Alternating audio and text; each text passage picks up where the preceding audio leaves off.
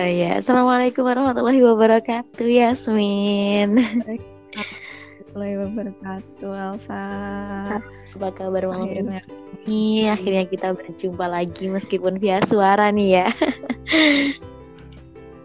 Alhamdulillah baik walaupun ya harus terkurung di rumah lagi karena corona. Iya, mau nggak mau ya kan? Iya, bener banget nih, Yasmin. eh, melihat ini nih apa namanya saat ini yang sedang ngetren itu kan kalau dilihat di televisi, terus di story-story WhatsApp, eh, kemudian story Instagram itu hampir semuanya itu drakor gitu ya Yasmin ya. Mm, rata semua Instagram, WhatsApp, Telegram pun juga ada channel-channel yang isinya cuman ngisi drama Korea. Gimana caranya download Iya, drama Korea, episode-episodenya. Isinya Apalagi di Twitter itu ya. Uh, ramai banget itu. tagarnya pasti trending nomor satu.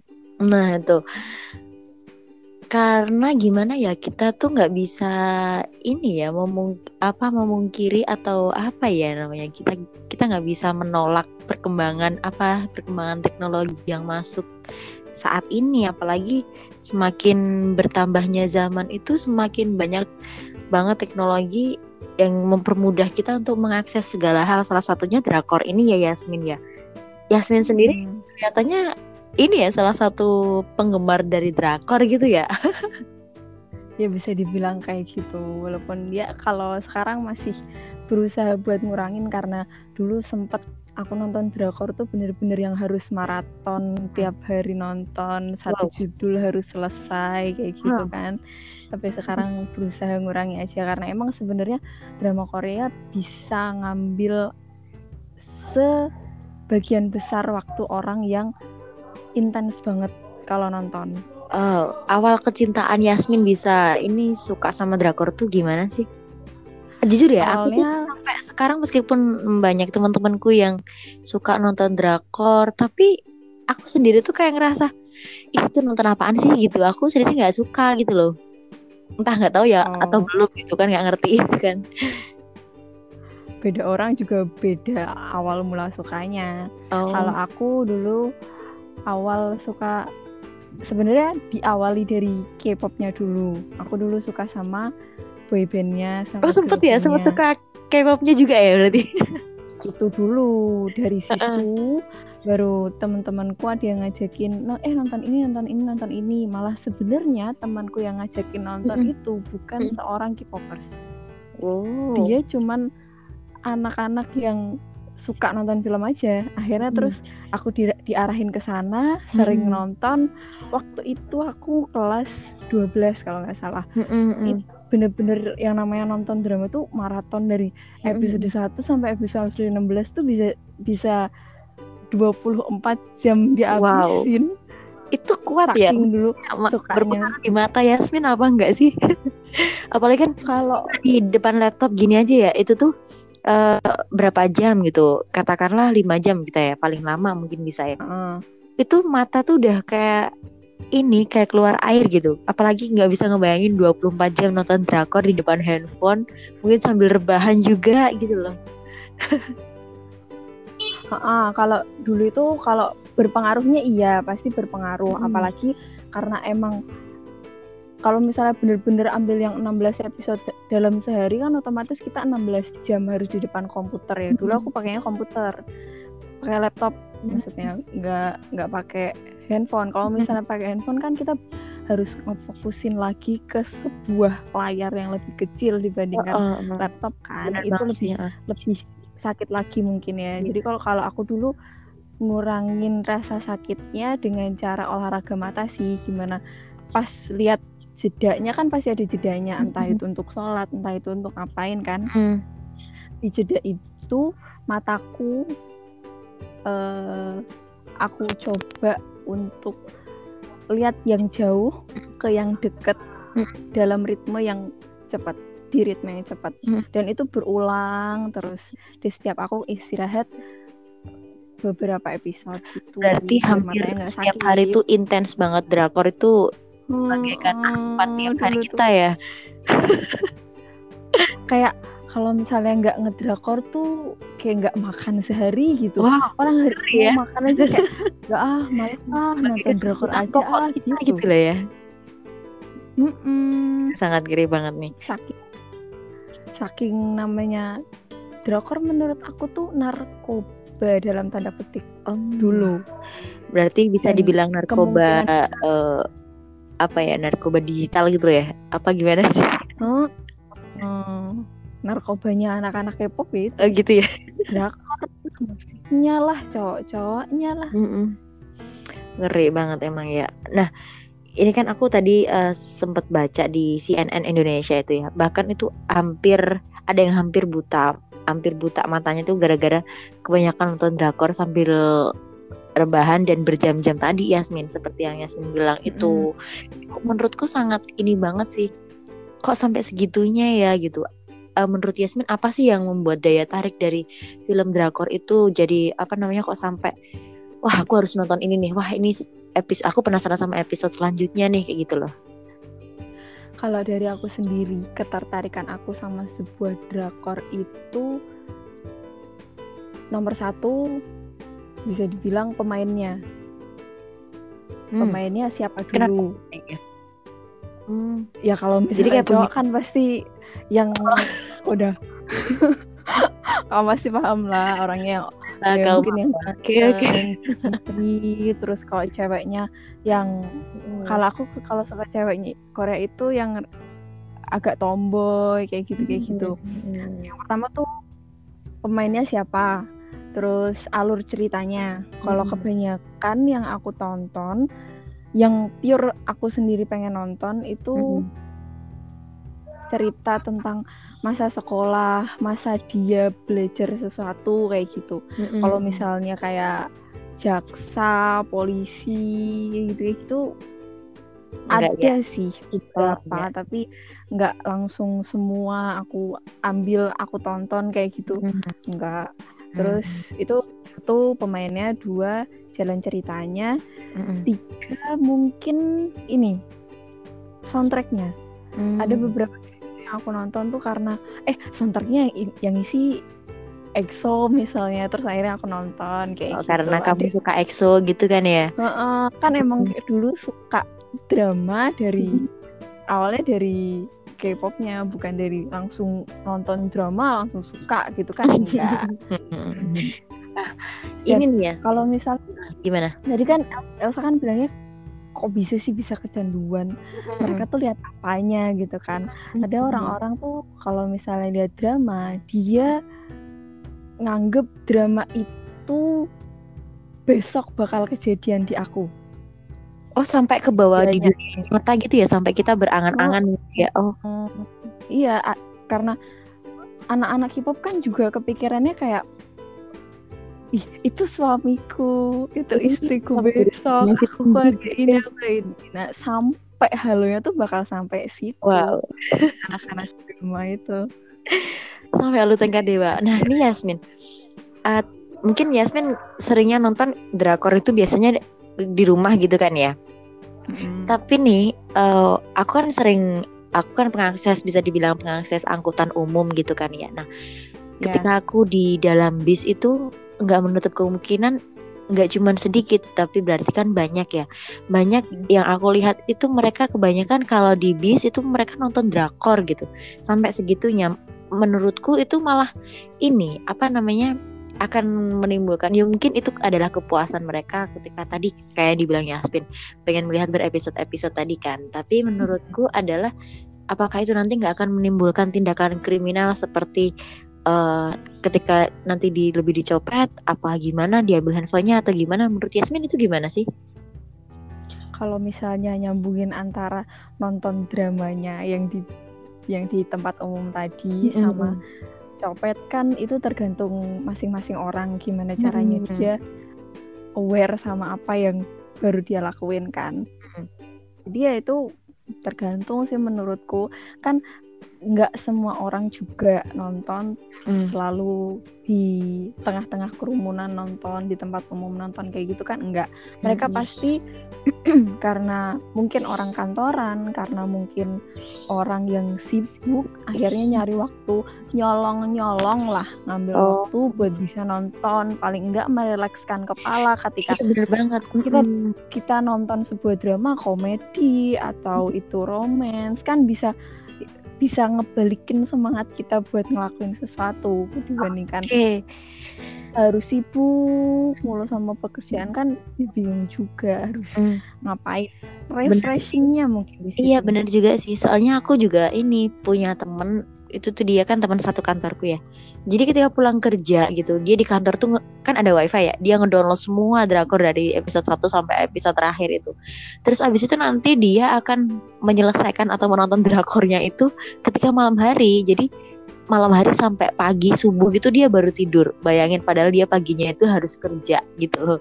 Aku nggak bisa ngebayangin. Tadi Yasmin kan kalau aku lihat dari eh, apa namanya penjelasan dari Yasmin itu kan eh, berarti di sini dapat disimpulkan bahwasanya drakor itu berpengaruh di dalam emosi kita gitu ya Yasmin ya. Hmm, Menurut Yasmin eh, apa namanya dampak dari pengaruh emosi kita itu dalam kehidupan sehari-hari itu seperti apa? kalau dilihat dari dampaknya berarti kamu nanti mengelompokkannya dari siapa balik lagi ke siapa yang nonton Hmm.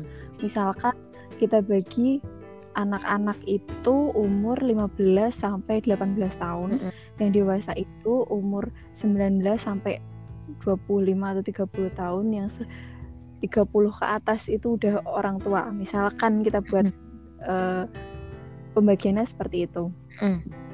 ada kalau aku lihat sekarang orang-orang yang dia suka sama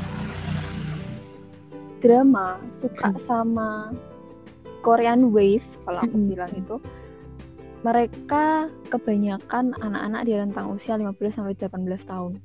Wow. Pikiran mereka yang belum ketata akhirnya mikirnya eh orang itu ganteng, aku pengen jadi pacarnya orang itu. Eh, Iya. orang itu ganteng. Oh, oh, ada pengen Ini yang masih SD kelas 2 itu semua sampai ini loh apa namanya ini bener-bener ke kayak gini wah aku tuh suka sama si ini. Siapa sih kalau yang di personilnya EXO, EXO itu siapa sih? Aku nggak ngerti gitu. Wah sampai kayak gimana ya berimajinasinya tuh tinggi banget. Padahal dia masih sampai usia SD ketinggian. gitu loh. Mm. aku sampai gini Iya, ala gitu. Kalau dibaca dari rentang 15 sampai 18 tahun yang emosional aja dia belum stabil, Mm-mm. mereka lihatnya jadi mereka belajar emosinya dari drama Korea itu bukan dari lingkungan dia yang sebenarnya. Hmm, gitu ya Kalau misal kalau misalnya dilihat dari umur 19 sampai 20 mungkin dia udah dewasa Mm. 19 sampai 30 maaf.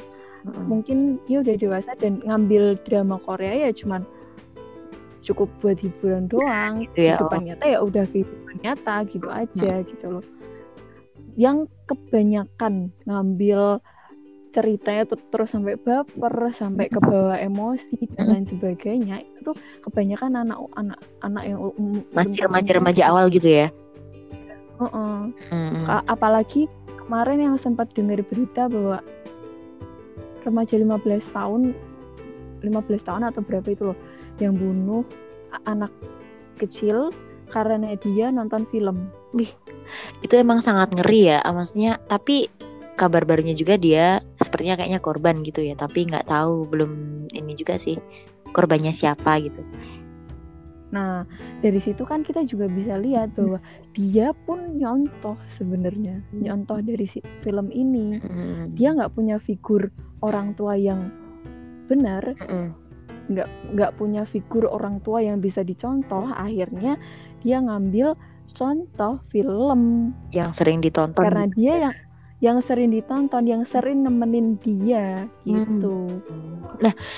jadi kalau misalnya Mm-mm. soal gimana drama itu bisa masuk ke kehidupan orang terus Mm-mm. larut sampai keikut dan akhirnya Mm-mm. dia nggak bisa nge- ngebedain kehidupan nyata sama mayanya dia yang mana ya anak-anak rumu itu rentang umur berbahaya ya sih. ternyata ya mm -mm. Mm bahaya banget sebenarnya oke okay. Yasmin drakor itu kan berpengaruh dalam uh, emosi kita kemudian dalam kehidupan kita itu itu aja yang nggak tayang di TV gitu tapi bisa diakses di internet ataupun aplikasi-aplikasi yang berbayar lainnya kayak gitu kan nah apalagi sekarang ini kayaknya banyak banget uh, stasiun televisi ini ya yang mana saat ini apalagi kita hanya di rumah aja dituntut di rumah aja terus ya kita punya tontonan ya kalau nggak di internet ya TV gitu kan. Saat ini drakor hmm. akan ditayangkan di televisi. Uh, apakah itu nanti nggak buat peminat drakor itu yang mm, mungkin bisa dikatakan uh, apa ya yang masih remaja-remaja awal kemudian remaja-remaja yang masih sekolah SMA SMP gitu kan uh, ya. apakah itu nanti nggak akan menyita waktu mereka? Terus apakah nanti nggak akan berpengaruh ketika mereka saat ini di rumah aja kayak gitu? Menurut Yasmin gimana sih ketika itu ketika drama Korea itu harus ditayangkan di TV gitu? Sedangkan maksudnya TV itu menyajikan gitu loh. Kalau aku hmm. ya gini.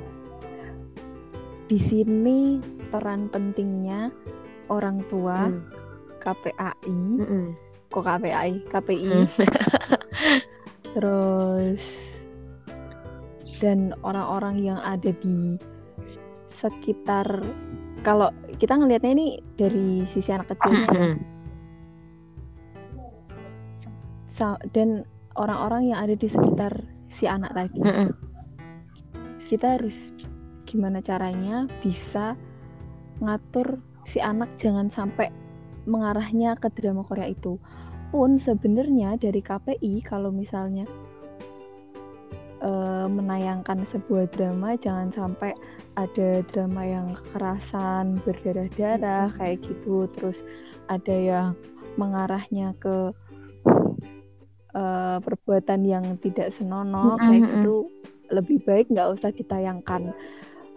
Dipotong pun sebenarnya kan dari pemotongan itu kita bisa kok ini dipotong sih? Kok ini dipotong sih? Kok ini pertanyaan yang itu sudah pernah nonton akhirnya kita nyari gitu kan uh, uh, bikin penasaran gitu kan ya. Uh, uh. karena kita penasaran tadi hmm. akhirnya kita nyari. Hmm. ketika nyari gambar itu muncul yang salah siapa. Kan kita nggak tahu hmm. dong nggak bisa nyari siapa siapa bener sih. peran dari orang tua sendiri dari lingkungannya sendiri. Kalau misalnya lingkungannya itu mendukung si anak hmm. ini untuk nggak selalu ketagihan sama televisi juga menurutku nggak terlalu banyak menyita waktu mm. dia sih tapi kalau misalnya lingkungannya orang tuanya udah sibuk nggak ada yang sama dia dia dikasih gadget sama orang tuanya akhirnya kan gimana kita harus ngatur posisinya masih masih selalu ya, itu bener, bener. dia butuh temen dia butuh main tapi dikasihnya malah mainan ya, yang pengennya yang ngatur uh, sendiri. pengennya mungkin anaknya biar diem di rumah tapi ternyata nggak dipertimbangkan ulang bahwasanya itu berpengaruh besar buat ini ya di anaknya gitu ya. Iya badannya diem di rumah otaknya ke mana-mana. bener banget tuh. Nah Yasmin ini kan bisa dikatakan salah satu pecinta drakor ya masih uh, sekarang masih yeah. sering nggak Yasmin nonton drakor gitu kalau aku akhir-akhir ini nonton drakor itu karena uh, karena ada yang ngajakin, karena ada yang memicu aku buat pengen nonton. Jadi kalau misalnya aku nemu satu drama, kok aku cuma nemu judulnya doang, terus nggak lihat trailernya atau nggak lihat sinopsisnya atau nggak lihat mainnya kayak gitu, kadang ya udah deh masuk list hmm. aja gitu nggak usah nggak usah sampai aku harus aku harus nonton ini aku harus nonton ini aku harus nonton ini aku udah selesai ini aku harus nonton yang lain kayak gitu berarti kayak menurut gitu. Yasmin pada dasarnya uh, mungkin dulu ya Yasmin kan tadi awal di awal Yasmin bilang kayak apa namanya uh, menonton drakor itu adalah sebuah kebutuhan gitu kan tapi sekarang bisa Yasmin hmm. bisa membatasi berarti kan itu kan dulu bisa dikatakan kecanduan sekarang Yasmin bisa mengurangi nah hmm. kalau Yasmin sendiri apa namanya bisa terkurang seperti itu uh, minatnya untuk nonton drama maksudnya harus lebih ke pilih-pilih kayak gitu tuh yang mendasari apa gitu Yasmin? Karena kalau sebelumnya sebelum ada corona ini kan aku ada kerja mm. jadi gimana caranya aku nonton ya kalau misalnya aku mau tidur mm. aja mm.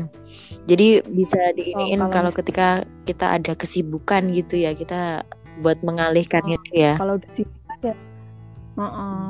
pertama ada kesibukan kedua kayaknya kalau misalnya nonton drama tuh bener-bener buang-buang waktu harus aku pengen aku pengen tahu lanjutnya aku, aku bener banget selanjutnya aku pengen tahu selanjutnya kayak gitu ketika pengen tahu selanjutnya padahal di depan mata ada eh. kerjaan dia mau gimana kerjain jadi kayak orang yang nggak tahu pekerjaan gitu ya?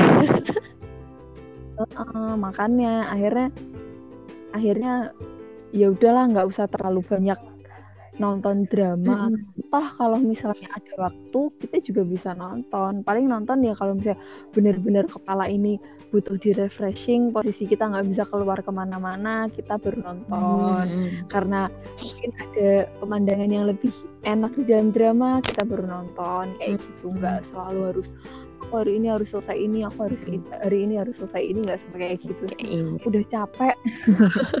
Oke jadi te mungkin teman-teman yang lainnya yang mendengarkan pembicaraan obrolan kita malam ini mungkin bisa nih ya apa namanya ketika pengen merasa sudah kecanduan dan merasa dan merasa sadar sadar diri ya gitu ya. Bisa dikatakan sadar diri aku ternyata selama ini buang-buang waktu ya ternyata aku bisa melakukan banyak hal uh, selain aku menonton drakor saja gitu. Berjam-jam aku harus menonton drakor padahal sebenarnya aku bisa mungkin membantu orang tua di rumah membersihkan rumah dan lain sebagainya. Kayak gitu yang lebih bermanfaat lah ya gitu mungkin daripada rebahan nonton drakor atau atau mungkin cuman duduk doang di depan laptop nonton drakor. Eh kali aja bisa oh olahraga kayak gitu biar biar ada iya, iya, iya, iya. gitu ya. Nah Yasmin, uh, beberapa bukan beberapa bulan sih, uh, sebulan yang lalu ya kayaknya itu sepertinya ada ini ya apa namanya drakor yang trendingnya wah banget kalau belum iya maksudnya sampai uh, membuat temanku sendiri yang katanya itu sebenarnya dia pengen nonton tapi dia sudah dapat cerita dari temennya itu kayak dia merasa ah, aku nggak mau nonton drakor ini nih gitu kan soalnya kata katanya tuh apa ya takut ini emosinya nggak ketahan kayak gitu itu hmm. drakornya kalau nggak salah The Word of the Merit ya Iya. Yeah. Nah, Yasmin udah udah nonton belum sih itu? Kalau di rumah ini aku cuma nonton sekilas-sekilas saja hmm. karena benar tadi apa kata temannya Elsa hmm. drama Korea yang ini karena training dia tinggi psikologinya benar-benar kerasa hmm. di dalam drama Korea itu setelah aku nonton dua episode spesialnya hmm. di situ dijelasin apa aja yang mendukung psikologi pembelajaran psikologinya banyak di drakor itu dan katanya kalau misalnya tadi ada beberapa uh, platform berita online uh -uh. hilang salah satu dari pemainnya uh -uh. yang jadi si pelakor ini uh -uh. bilangnya gini aku ceritanya gimana sih? mau menikah uh, kalau yang soalnya aku sendiri beneran jujur ya nggak nggak ngerti ya aku tahu cuma itu drama ceritanya tentang pelakor maksudnya cerita detailnya oh. itu seperti apa itu aku nggak highlight gitu. highlight aja ya, ya jadi kan uh, ada seorang dokter sama hmm. seorang CEO dia menikah akhirnya punya anak hmm. hmm, hmm. anaknya ini misalnya udah seumuran remaja sih aku nggak tahu pastinya berapa hmm. nah si CEO ini entah capek entah gimana tuh dia akhirnya ketemu sama si pelakor hmm. tipe-tipe pelakornya tipe lemarinya pakaian yang dia pakai terus mm. gaya rambutnya dia hampir sama kayak si dokter ini. Oh, hampir sama kayak su istrinya gitu ya? Uh, istrinya atau suaminya gitu ya? Oh, istrinya. Uh. Terus karena si pelakor ini kan masih muda ya, mm -mm. akhirnya si CEO tadi milih sama si pelakor ini. Iya. Di belakang itu ada orang-orang yang dokternya tadi manggil temannya si pelakor buat memata-matai si pelakor. Wow, yang yang pokoknya manggil orang juga buat mata-matai si dokter. Mm -hmm. Terus si pelakor ternyata juga punya mata-mata buat dua orang itu. Mm. Kalau nggak salah nih ceritanya kayak gini. Mm -hmm. Terus habis itu anaknya sering uh, apa ya kayak kebetulan tahu orang tuanya tuh melakukan hubungan. Itu ke orang tuanya dua orang tuanya itu. Mm -hmm. terus di waktu yang lain dia juga menemukan salah melakukan hubungan tapi sama si pelakor ini. Oh. Jadi jadi kan itu masalah di situ sebenarnya rumit. Dokter tadi pun ada orang yang suka. Mm -mm. itu bener-bener rumit kompleks banget jadi cerita. oh makanya itu ya karena karena apa ya bisa dikatakan kegregetannya itu di situ ya gregetnya drama ini di situ gitu loh. Sampai aku tuh lihat ini loh ini kan sekarang aplikasi TikTok itu juga baru trending kan ya. Nah hmm. sampai sampai itu di TikTok itu pun ada uh, apa netizen yang buatnya ini. Apa dia memposisikan dia lagi nonton drama Korea itu kan. Nah, hmm. habis itu dia bikin reaction kayak gitu. Tiba-tiba dia marah-marah sendiri ya gitu. Wah, ngeri emang ya aku bilang gitu. Tapi kalau di, bisa dibilang uh, tapi bisa dibilang gini sih kalau menurutku uh, kita aja yang belum nonton bisa terpengaruh gitu loh maksudnya apalagi yang nonton gitu kan ya Yasmin ya. Hmm. Tapi kita kadang kalau kita yang enggak nonton terpengaruh itu kadang karena uh, reaksi si penonton. Hmm. Jadi ada drakor penonton, hmm. kita yang nonton penonton itu. Kita yang iya, ketemu sama penontonnya bukan kita. iya kadang iya sih benar juga tapi emang terus apa ya aku tuh dipaksa buat temanku aku sempet ya sempet banget sempet ini pengen pengen nonton drama itu. Aku yang awalnya nggak suka sama drakor itu sampai penasaran banget nih ini ceritanya sebenarnya gimana sih. Cuman aku berusaha nyari, udah dapet linknya ya, udah dapet filmnya gitu kan. Cuman nggak yeah. tahu kenapa apa emang dasarnya emang nggak suka drakor gitu kan. Jadi ha bodo amat lah kayak gitu jadinya jadi nggak jadi nonton gitu. ya mungkin karena nggak suka itu tadi dan Iya gitu ya. ceritanya tuh kayak ini kayak sinetron-sinetron di salah satu TV Indonesia loh. Aku iya, pikir, tapi oh. nah aku aku mikirnya juga gitu. Padahal kan kalau dilihat uh, apa namanya uh, film drama Korea itu kan uh, Iya kurang lebihnya ceritanya mungkin hampir sama kayak film-film yang dibuat di Indonesia. Hanya saja hmm. mungkin yang membuat beda itu kalau di Indonesia tuh sekali tampil udah langsung ketemu endingnya gitu kan. Tapi kalau hmm. di sini kita harus dibulut-bulutin terlebih dahulu, dibuat penasaran terlebih dahulu kayak gitu ya. Hmm. Dibuat penasaran dulu dan ada beberapa aspek yang dia juga mendukung bahwa itu punya makna. Di drama Korea hmm. tuh lebih ke situ. Hmm, hmm, hmm, hmm, jadi sempat nonton Makanya. ininya spesial episodenya jadi kayak apa ya episode di backstage-nya kayak gimana gitu kan hmm. nah di situ tuh ternyata ada ada di salah satu scene di dalam Korea itu tuh hmm. kayak ada figura lukisan kayak ada lukisan terus hmm. isi lukisan itu kayak nanti diceritain ada, ada cerita ada maknanya gitu ya uh, di, di lukisan itu sampai sedalam itu si hmm. sutradara nyiptain drama Korea hmm. tadi.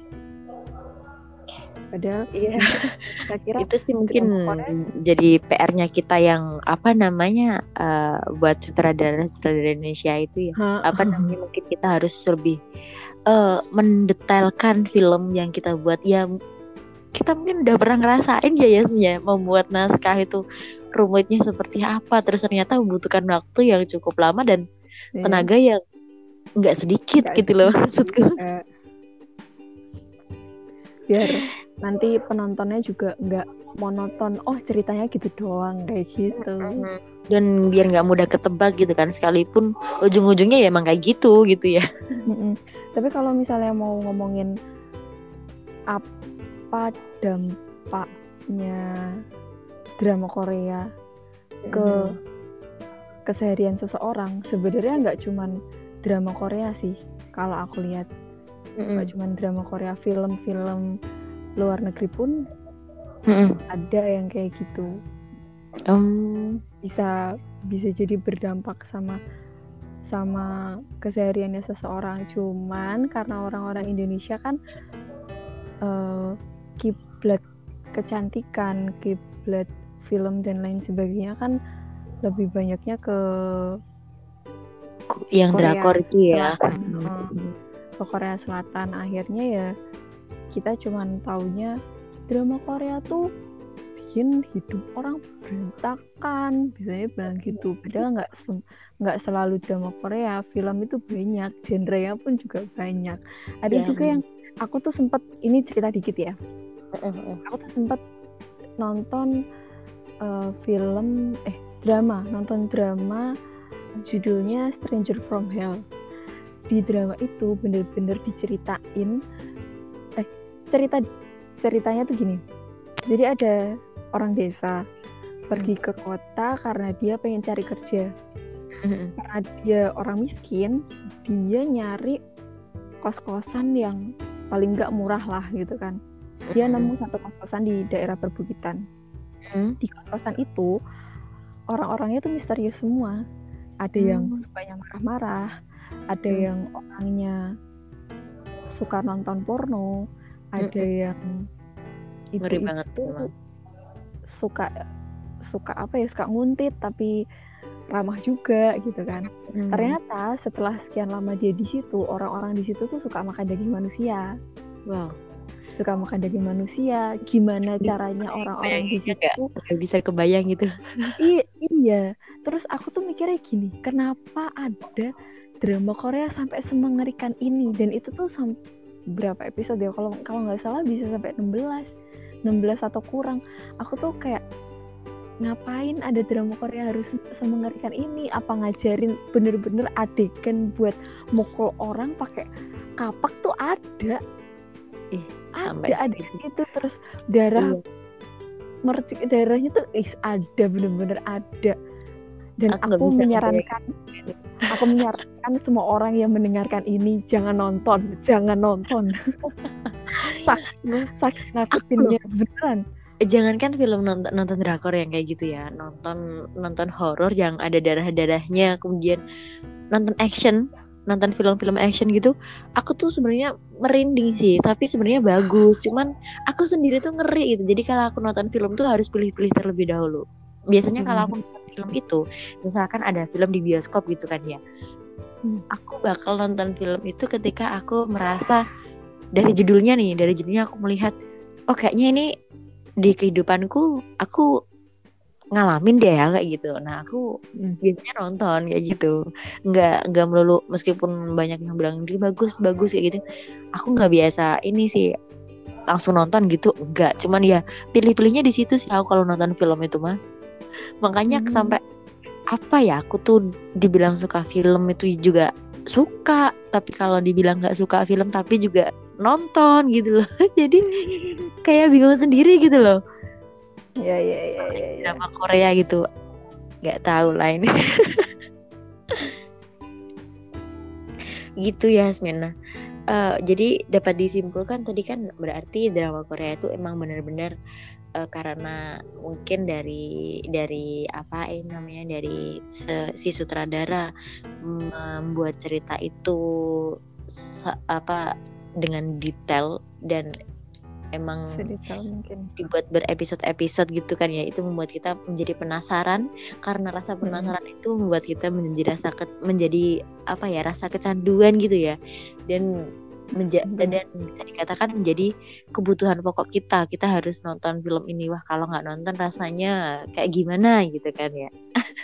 dan uh, apalagi ketika dilihat uh, dari ceritanya si Yasmin tadi kalau banyak banget yang berpengaruh terhadap uh, emosinya, kemudian keadaan psikologisnya kayak gitu. Jadi mungkin teman-teman yang mendengarkan podcast ini harus lebih berhati-hati gitu kan ya, berhati-hati baik yeah. buat dirinya sendiri ataupun kurangi aja, dikurangi. Uh, uh, berarti kita kita di sini nggak melarang ya Yasmin nggak melarang itu kan Hmm. karena emang pilihan masing-masing hanya saja mungkin lebih berhati-hati dan bisa memilih-milih kayak gitu apalagi kalau kalian punya adik dan dan mungkin sering ngelihat teman-teman yang ngedengerin podcast ini tuh eh, ikutan nonton juga gitu. Mungkin harus lebih di ini aja sih ya kayak aku tuh tahu ya adikku kok bisa tahu apa ya namanya kayak band-band K-pop kayak gitu tuh aku juga nggak ngerti dari mana gitu aku Ya, sampai sekarang jadi Mm-mm. kecanggihan teknologi.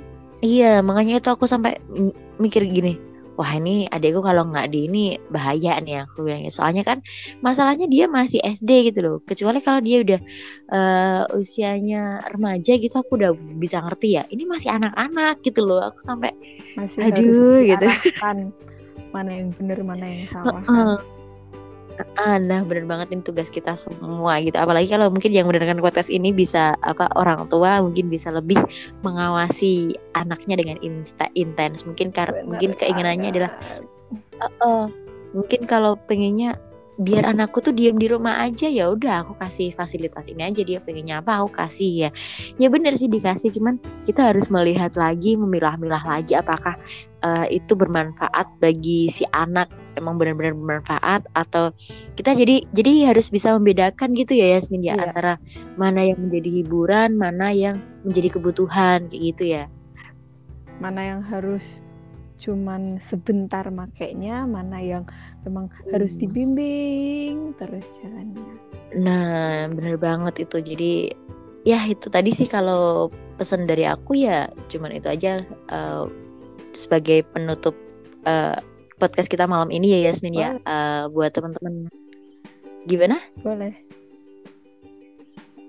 Kalau buat teman-teman eh, muda yang emang sekarang lagi menikmati drama Korea yang sedang apa ya sedang trending itu kalau pesan di aku sih coba deh boleh kok emosi tuh boleh ya cuman aku tuh kadang sering ini apa namanya teman-temanku suka ngechat aku terus abis itu kalau nggak pas nelpon itu eh aku tadi tuh emosi banget abis nonton ini tuh. Kok ceritanya gini?